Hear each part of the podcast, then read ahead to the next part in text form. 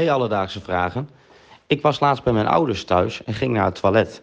En omdat mijn telefoon leeg was, heb ik eens een keer weer alle verjaardagen op de verjaardagskalender doorgenomen. Maar toen vroeg ik me af, waarom hebben Nederlanders eigenlijk een verjaardagskalender op de wc?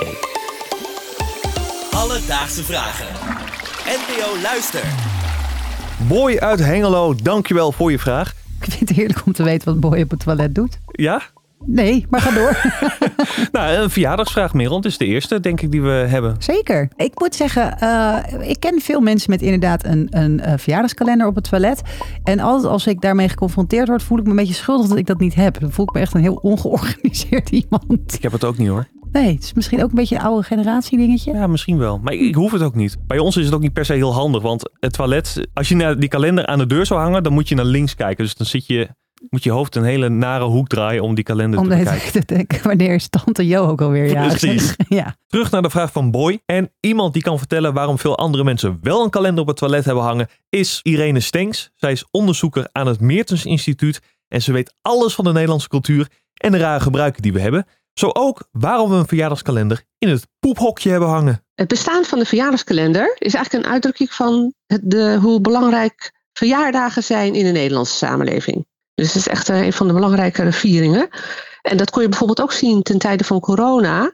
Want zowel in de toespraak van de koning at the time en als ook van Mark Rutte werden apart, dus eigenlijk vooral ook de kinderverjaardagen en het niet kunnen vieren daarvan werden genoemd. Dus dat laat zien hoe belangrijk dat is, eh, hè, de verjaardag. Dus dat is niet overal zo in de wereld.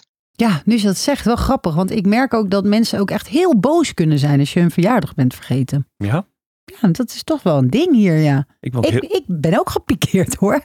Het, ik zeg altijd, het interesseert me niet. Maar op de dag zelf, als mijn app stil blijft, denk ik toch...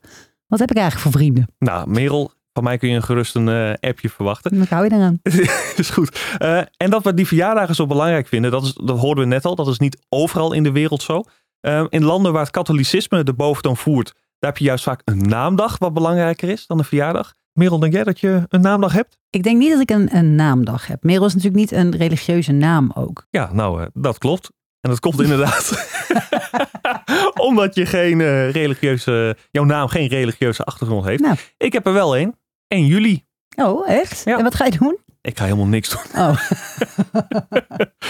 Even terug naar die verjaardagskalenders. Nederland is trouwens niet het enige land dat daaraan doet. Je hebt ze ook in België, Duitsland en Zwitserland. Alleen daar hangen ze vaak op normale plekken.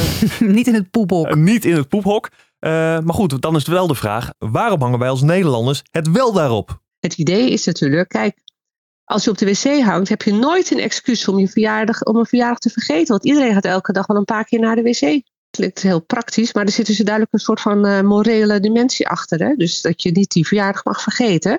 En dat het daarom op zo'n centraal punt hangt. Wel weer heel typisch trouwens. We zijn Nederlanders met die praktische mentaliteit. Ja, is heel efficiënt. Geen tijd Geen verspild. tijd voldoen hoor. Alledaagse Vragen. Nu we het toch over Nederlandse verjaardag hebben, moet ik toch iets anders aankaarten. De kringverjaardag, Merel. Och, och, de kringverjaardag. Heb je daar ook een mening over? Nou, ja, begin er niet over. Dan gaat deze podcast heel lang duren. Ga ik een heel epistel eh, voorlezen over de kringverjaardag. Ja, nou, ik wil het er toch eventjes over hebben, want volgens Irene is dit ook een heel raar fenomeen in onze cultuur. De klassieke verjaardagskring, waarbij men dus zit in de kring en dan gaan er van die blokjes kaas rond, best wel afgemeten.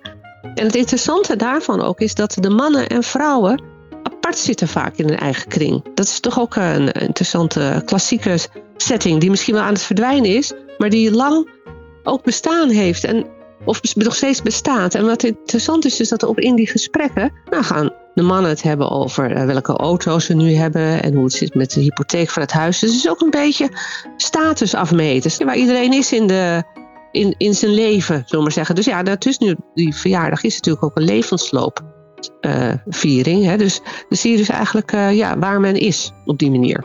Herkenbaar? Heel herkenbaar. Ik was helemaal aan het wegdromen. Ja. Ik dacht, oh ja, nu ze het zegt, zaten altijd inderdaad de ooms een beetje bij elkaar. Tante, oma, ik, mijn moeder. Nou, ging veel van voetbal bij de man hoor. Dus, boy, de reden waarom we op de wc een kalender hebben hangen, is omdat verjaardagen als heel belangrijk worden gezien in onze cultuur.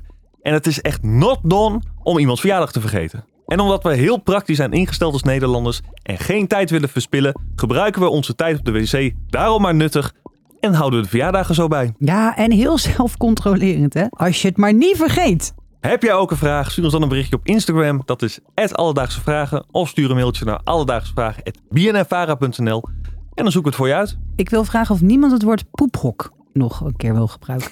Dat mag je even wijden aan onze scriptschrijver Paul. Paul heeft voor het woord poephok gekozen. Oké, nou, Paul foei. Alledaagse Vragen. NPO Luister. BNN Vara. Het poephokje.